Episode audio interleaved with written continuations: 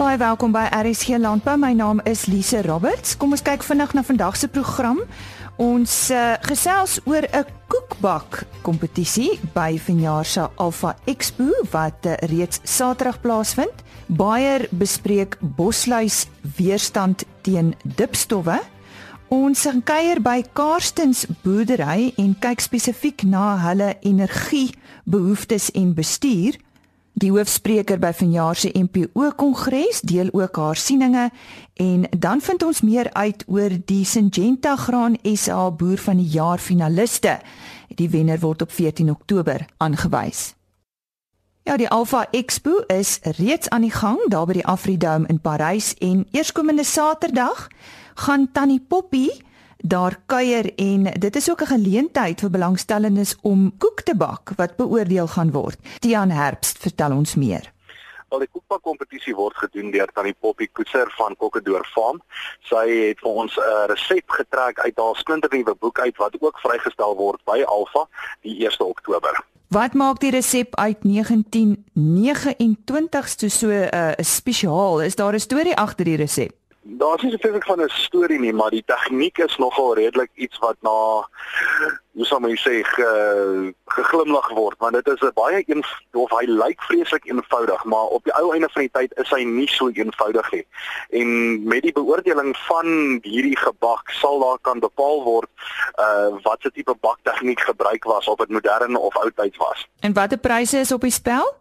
Kyk, ons gee subskripsies weg van plaaspublikasies. Ons gee 'n jaar se uh, subskripsie weg tot Veeplaas en 'n jaar se subskripsie tot uh, Farmbus tydskrif. Ons gee 3 van Tannie Poppy se uh, hoe sou mens sê van haar eie wyne weg wat 'n uh, 'n lekker Cabernet Sauvignon, 'n Chenin Blanc en dan 'n lekker soet rosé insluit en ons gee die heel eerste getekende eksemplaar weg van haar nuwe kookboek. Hoe gaan die beoordeling werk?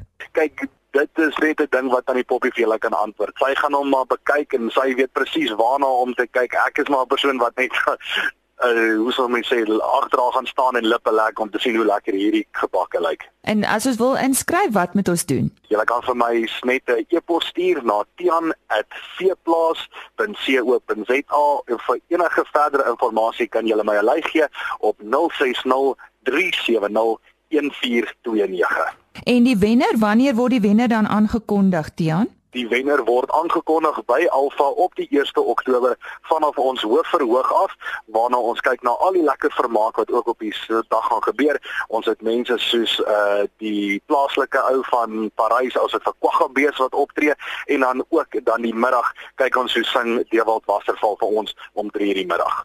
En dit was dan Tian Herbs wat gesels het oor die koekbak geleentheid wat eerskomende Saterdag daar by die Afridome in Parys plaasvind.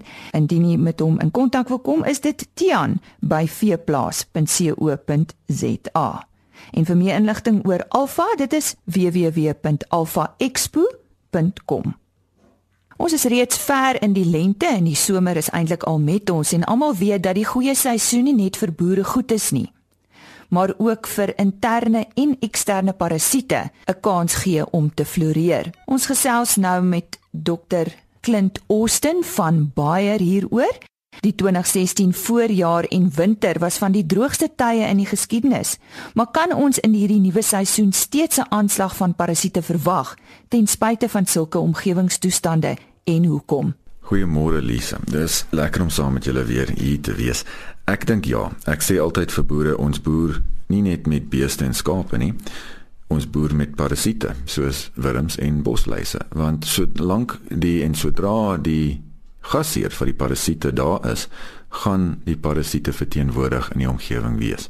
So alhoewel ons 'n droë seisoen gehad het, daar is 'n kans dat hy daar minder uh parasiete op die veld gaan wees, maar dit is glad nie 'n geval van niks parasiete of 'n geval waar die uitdaging so min gaan wees dat die boere nou glad nie hoef te behandel nie.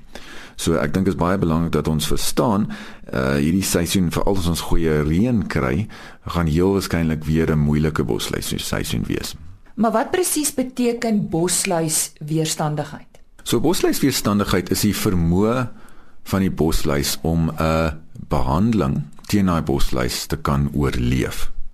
So dis ook baie belangrik te verstaan dat bosluispopulasies raak weerstandig teen 'n spesifieke aktiewe bestanddeel. Dis nie die produk of die formulasie wat weerstandig raak of nie meer werk nie uh, of of kom ons sê ehm um, nou minder effektief is die bosluispopulasies as gevolg van evolusie want dis nou artifisiële evolusie druk wat ons as boere op die bosluispopulasie plaas. So ons behandel 'n bosluispopulasie op ons beeste met 'n spesifieke aktiewe bestanddeel. As ons dit gereeld genoeg doen, roei ons al die vatbare bosluise van die populasie uit en die enigste bosluise wat oorbly is daai weerstandige bosluise. Nou onder gewone omstandighede is daai weerstandige bosluise so 'n klein deel van die populasie dat dit nie eintlik saak maak nie. Maar as gevolg nou van hierdie artifisiële evolusiedruk wat ons nou op die populasie plaas, is die enigste bosluise wat oorbly is daai weerstandige bosluise.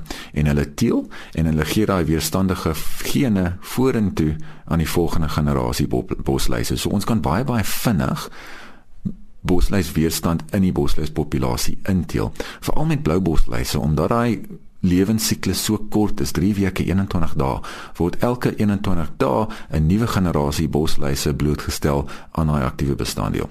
En die grootste ander probleem daar is dat die blou bosluise enkel gasheer bosluise. So elke sien elke liewe lewensstadium van daai bosluis word ook word ook blootgestel aan daardie spesifieke aktiewe bestanddeel. Nou goed, ek is nou 'n boer op my plaas en hoe kan ek seker wees wat die bosluis weerstandigheid status op my plaas wel is? Elise, ons bebeier is altyd bereid om terug te gee aan die boer. En een van die dienste wat ons aan ons boere bied, is 'n LPT of 'n Shore Level Packet Test. En wat dit behels, is ons toets basies hierdie bosluise vir weerstandigheid. So ons kom pluk bosluise van jou plaas wat kos die boer niks. Ons betaal daarvoor. Ons pluk bosluise, ons stuur hulle na 'n laboratorium toe en ehm um, hulle bepaal dan wat is die weerstandigheid van daai bosluise teen drie hoofaktiewe bestanddele. Dis jou pyrethroïde, organofosfate en jou amidine. Vat omtrent 10 tot 12 weke, maar ons gee vir die boere verslag wat vir hom sê, kyk, dit is nou die vatbaarheid van die bosluise op jou plaas. En dis ook baie belangrik om dit een keer 'n jaar te doen dat 'n mens die tendense kan dophou op die plaas en dit dit laat 'n boer ook verantwoordelik sy aktiewe bestanddele bestuur. Want ook nuwe aktiewe bestanddele teen bosluise is 'n kwynende hulpbron regtig waar as ek vir mense vra hoe hoeveel nuwe aktiewe bestanddele is in die afgelope 5 jaar wat aktief is of of effektief is teen bosluise op die mark vrygestel is die antwoord 0. So die tempo van weerstandsontwikkeling in bosluise, blou bosluise veral, is vinniger as die tempo van nuwe aktiewe bestanddeel ontwikkelings. Ons moet reg verantwoordelik wees en na aktiewe bestanddele verantwoordelik bestuur. Goed, maar wat uh, kan Bayer dan die veeboer bied in hierdie geval? So een van ons mees effektiewe produkte teen bosluisweerstand en bosluispopulasies is drastic deadline ekstreem of wat ons wel noem DDX. So DDX bevat flumetrin wat wel 'n kontakdodende effek het op vatbare bosluise, maar dit bevat ook 'n sistemiese insekgroei reguleerder en dit is fluazeron. Die fluazeron word opgetrek in die stelsel, dit bly in die stelsel vir amper 12 of bly effektief teen bosluise vir enige iets tussen 8 en 12 weke. En die voordele van 'n insekgroei reguleerder is is dat 'n mens heeltemal en totaal hele geen generasies van bosluise uit die populasie uit verwyder. So sodra daai bosluis 'n bloedmaal neem van 'n bees word daai bosluis gesteriliseer. Uh en hulle hulle kan glad nie nou na die volgende lewensstadium toe beweeg nie en enige eiers wat hulle lê gaan ook gesteriliseer word. Ons beveel aan dat boere DDX 2 tot 3 keer 'n jaar bo-oor hulle gewone dip program gebruik en dit is met die oog van strategiese bosluispopulasie bestuur sowel as bosluis weerstand bestuur op jou plaas. En aan die woord daar was Dr Clint Austin van Bayer. Ons uh, praat nou met Michael Holland Moeder. Hy is die energiebestuurder van Karsten Boerdery daar in Appington. Nou uh energie, as jy mense dink aan energie dan dink mense waarskynlik onmiddellik aan uh elektrisiteitsverbruik. Uh is uh elektrisiteitsverbruik op die Karsten boerdery wat ons weet 'n baie gesofistikeerde boerdery is. Uh, uh dit is nogal 'n uh, uitdaging as ek reg. Ja, en dit is dit is nogal 'n groot uitdaging. Ek dink ons het nie dink jy ons het in 2009 het begin daarmee. En ja, dit is ons bly almekaar ons hand maar op die stelsel hardloop om te kyk waar kan ons bespaar, waar kan ons verbeter. Uh, as jy mens dink aan elektrisiteit deesdae, veral in daai omgewing waar jy is, uh, dan lyk dit my die ouens wentele nogal na sonkrag. Uh, ja, kyk, uh, en ons sonkrag mos nou baie groot uh, pluspunt omdat ons mos nou baie son het en en uh, as jy kyk na die sonplase wat hier opgesit is, speel dit baie groot rol, maar nou ek haal aan wat eh uh, Karsen eendag my gesê het. Ons so gepraat en sê maar ons net onthou dat daai jaar het ons met diesel gepomp het en daai tipe dinge, jy weet, is is Eskom net so dis kan hemel. So ons sou nooit sonder Eskom gegaan nie. Uh ons moet saam met hulle 'n pad stap al die pad en hulle die aardmesaak het mos nou sonplase wat nou weer invoer op hulle lyne. So ja, ons het die voorreg dat hier is al 'n paar sonplase by ons al opgesit.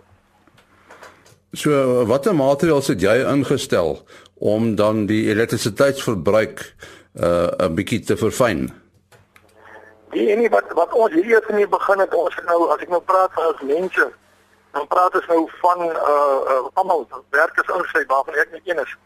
Het ons mee uh, begin om net eers te vertel waarvan af waarvan af kom krag, jy weet.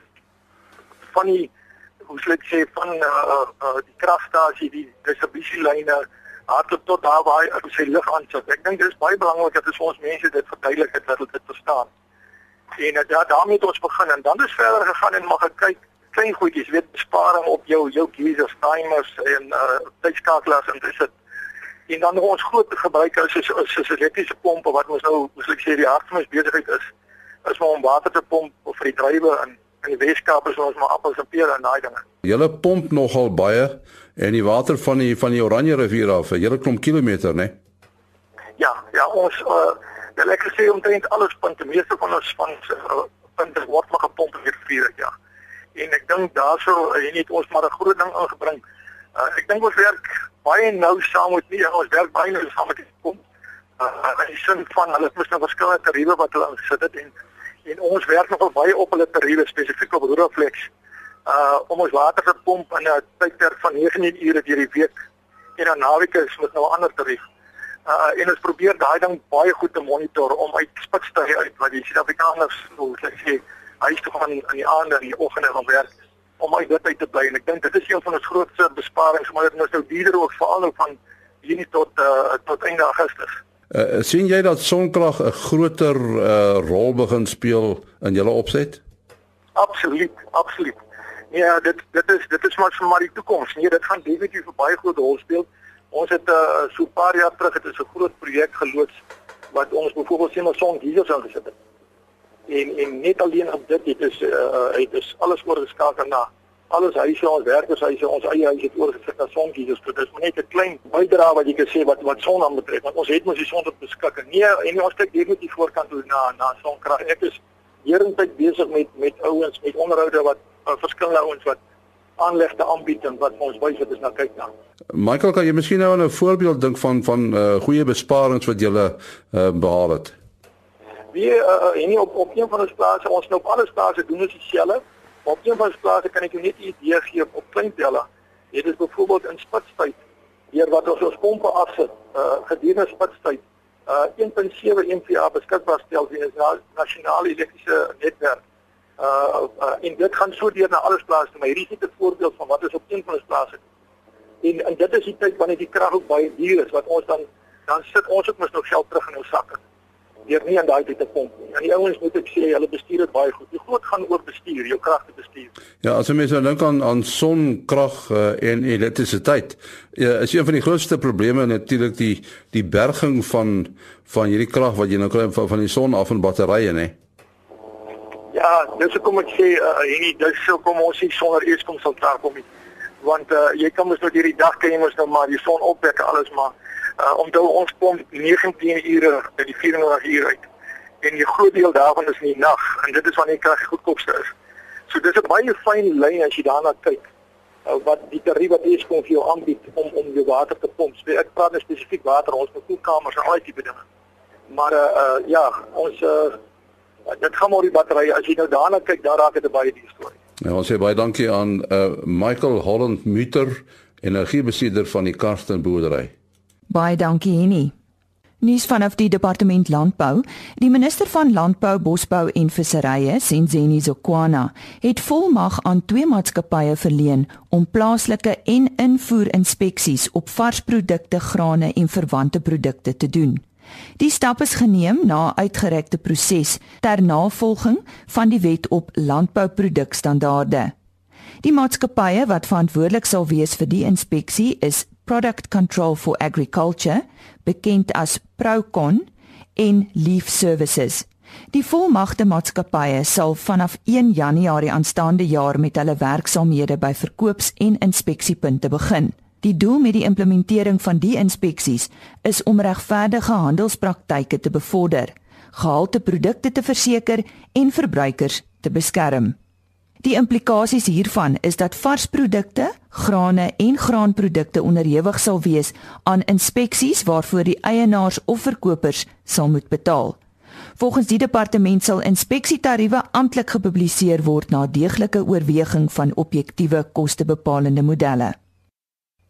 Dr Jude Capper was die hoofspreker by vanjaar se MPO Kongres en ons medewerker Isak Hofmeyer het met haar gesels. Jude, before, before I ask you the questions about what you said to the people, uh, who are you? I'm a livestock sustainability consultant. I did my BSc and PhD uh, back in England, and then I worked in the States for eight and a half years on carbon footprint of dairy and beef.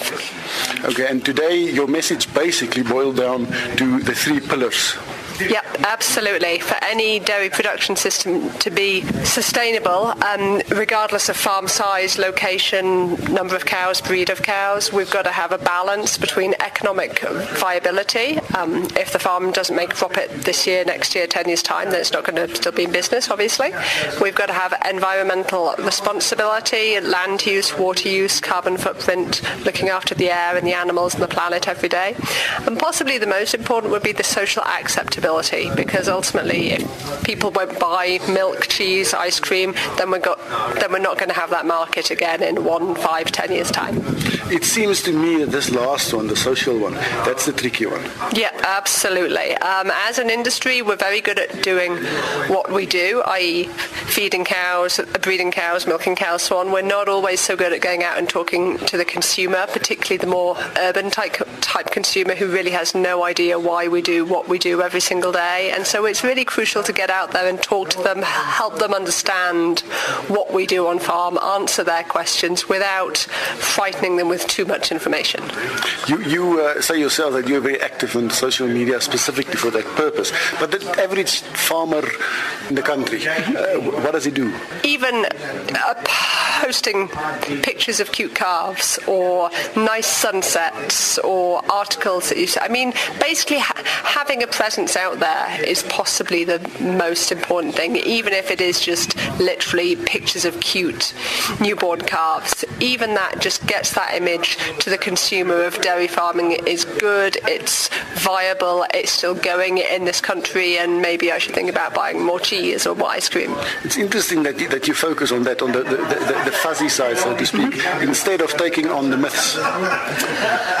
Unfortunately, as a scientist, I'd love it if everybody was very data driven, but I've learned that although I'm very data driven, most consumers don't care about the numbers. If you lead with science shows that we've cut the carbon footprint by 16% in the last 20 years, people switch off instantly. They want to feel good about what they're buying, what we do, what they think about it before they go into the numbers. So we've got to share those values. We have to help them understand that we care about the cows, the planet, the land, um, and that we have kids and grandkids as well, and that they drink milk and they eat cheese and they eat butter and yogurt and so on. So we've got to have those shared values to begin the conversation with the consumer. But, but let's talk about the numbers for a moment, David, because the dairy industry specifically came a long way. Oh yeah, absolutely. If we take the States as an example, comparing 1944 to 2007, the industry has become more intensive over that time, fairly obviously. We've gone from an industry with about 50% Jerseys, 50% Holsteins to about 90% Holsteins now. Um, milk yield per cow has quadrupled over that time. We've gone from about 2,000 kilos of milk per cow per year to about 9,000 kilos. And what that means is that improvement in productivity and efficiency means to make the same kilo or litre of milk in 2007 compared to 1944, we need 90% less land, we need uh, 65% less water, we've got a, a decrease in the carbon footprint of 63% per litre and a 59% decrease in the industry carbon footprint. So essentially anything that any dairy industry can do, whether it's here or in Europe or Australia, any any dairy farm anywhere that improves productivity, improves efficiency, will see gains in terms of both environmental Im- impacts per kilo or per litre, but also in terms of the economic impacts as well. Baie dankie ook aan Isak Hofmeyer wat daar met Dr Jude Kapper gesels het. Dis Oktober maand en gewoonlik hierdie tyd van die maand is daar verskeie kompetisies veral vir die boer van die jaar.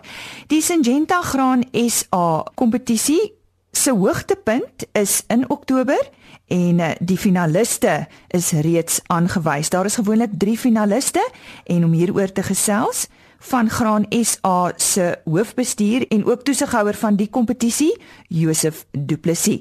Hy verduidelik die doel. Goeiemôre Lise. Ja, weet jy, ehm um, dit kom nou al oor baie jare dat Graanesa hierdie toekenning vir die graanprodusent van die jaar doen. Uh, ek dink daar's drie belangrike redes hoekom hoekom dit gebeur en hoekom ons moeite doen daarmee. Ek dink die eerste ding is om erkenning te gee aan boere wat presteer, spesifiek graanboere. Jy weet, dit is maar 'n eensame en alleen werk om 'n graanboer te wees. En uh, hy's mense wat ongelooflik met passie werk en en en sukses behaal teen moeilike in moeilike omstandighede. En uh een een een rede is om om erkenning te gee aan mense in ons bedryf.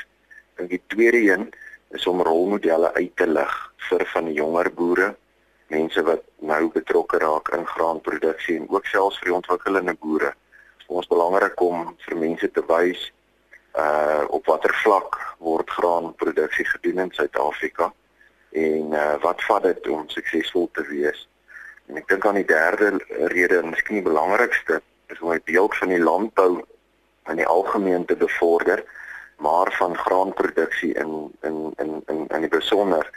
En uh, ons dink aan min mense van die publiek en spesifiek van die regering wat baie te sê het oor boerdery en graanproduksie in ons land weet regtig wat vat dit om om suksesvol te wees en op watter hoë vlak word graanproduksie in ons land uh beoefen. En uh hierdie toekenning is 'n uh, baie goeie manier om om dit uit te lig en en om die beeld van van landbou in die algemeen te bevorder. Voor ons by die drie finaliste kom, verduidelik vir ons hoe die proses werk word die kandidaate genomineer. Ja, weet jy van die hoofbestuurslede, uh daar's uh, omtrent 30 hoofbestuurslede reg oor die hele Suid-Afrika wat elkeen groot uh, distrik of 'n streek verteenwoordig en uh so van tyd tot tyd elke jaar dan maak hulle nominasies vir spesifiek persone wat wat hulle voel uh so tipe toekenning verdien.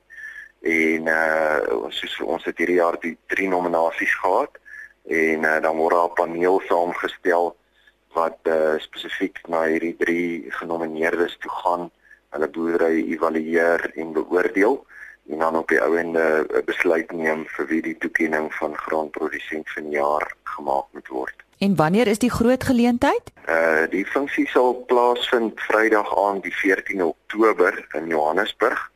Uh dis gewoonlik 'n spogfunksie waar al die belangrikste rolspelers in die landbou en veral in die graanbedryf en in die hele waardeketting van die graanbedryf uitgenooi word. En uh baie kere is daar politici ook by en uh, die geleentheid word gebruik om beeld van landbou uit te bou. Nou goed, kom ons kom by die 3 finaliste van vanjaar se groot geleentheid. Ja, weet jy, soos uh, in die verlede ook graanproduksie in Suid-Afrika word reg oor die hele land beoefen onder wyd uiteenlopende omstandighede en en die drie nominasies wat ons verjaar ingekry het uh is 'n voorbeeld daarvan. Uh ons het uh die Willemse broers, Pieter en Johannes Willemse van Riversdal. Uh, hulle is toevallig identiese tweeling wat uh koring, gars, canola uh mee boer onder in onder in Riversdal. Dan het ons uh Dissy Kreer en sy seun Darius, besproeiingsboere van Orania, daar langs die Orania rivier en dan uh, Joshua en Sonja Du Plessis van Delmas wat hoofsaaklik mielies en sojabone verbou. Uh Droeland ook 'n bietjie besproeiing naby Delmas. Eh, die beoordeling is maar elke jaar 'n groot uitdaging vir julle in in uh, Josef. Ja, weet jy maar dis 'n baie groot voorreg ook vir ons as spanbeoordelaars. Daar is 6 uh mense wat die beoordeling doen, twee hoofbestuurslede waarvan ek een is en die ander vier is landboukundiges um, uit die bedryf uit top landboukundiges en uh, ons reis na die mense toe en ons spandeer gewoonlik amper 'n dag lank by elkeen en uh, gaan saam met hulle intensief deur hulle boerderye. Maar weet jy dis dis so groot voorreg om betrokke te wees daarbey en om net te beleef die entoesiasme en die passie en die bekwaamheid waarmee waarmee al hierdie mense hulle boerderye bestuur en bedryf en waar hulle vandaan gekom het en en toevallig hierdie jaar almal van hulle onder moeilike omstandighede begin en vandag hoogs hoogs suksesvolle besighede opgebou het. Uh sonder om ooit te kla, sonder om om om oor die omstandighede net vorentoe gekyk, vorentoe gegaan en die ding gedoen en dis dis baie inspirerend om by sulke mense te kom. Die gesogte prys aan die einde van die dag, is dit nog steeds 'n besoek aan uh, Switserland? Ja, vir die uh daar's ander pryse ook, maar onder andere sluit dit oorsese reis in vir die wenner en sy vrou. Een van Graan SA se hoofbestuurslede en ook toesighouer van die Syngenta Graan SA boer van die jaar kompetisie, Josef Du Plessis. RC Landbou sal ook by die finaal waar die wenner aangekondig word teenwoordig wees en uh, u kan die week na die 14de Oktober luister na die wen onderhoud. Baie sterkte ook aan al die finaliste. Ja, die jong boer van die jaar word ook in Oktober aangewys. So uh, dis 'n belangrike landbou maand vir al die kompetisies. Onthou môre oggend weer in te skakel om 05:30 vir RSG Landbou. Dit is dan natuurlik donderdag 29 September. Ons gesels oor lenteparing by skape, hoor meer oor sybokhaar veilinge wat plaasvind en gesels ook oor die ongelooflike aanpasbaarheid van die dorper skaap. Môre oggend saam met ons weer om 05:30 net hier op RSG. Totsiens. RSG Landbou is 'n produksie van Blast Publishing. Produksieregisseur Henny Maas. Aanbieding Lisa Roberts. En uitskoördineerder Martie Kerstyn.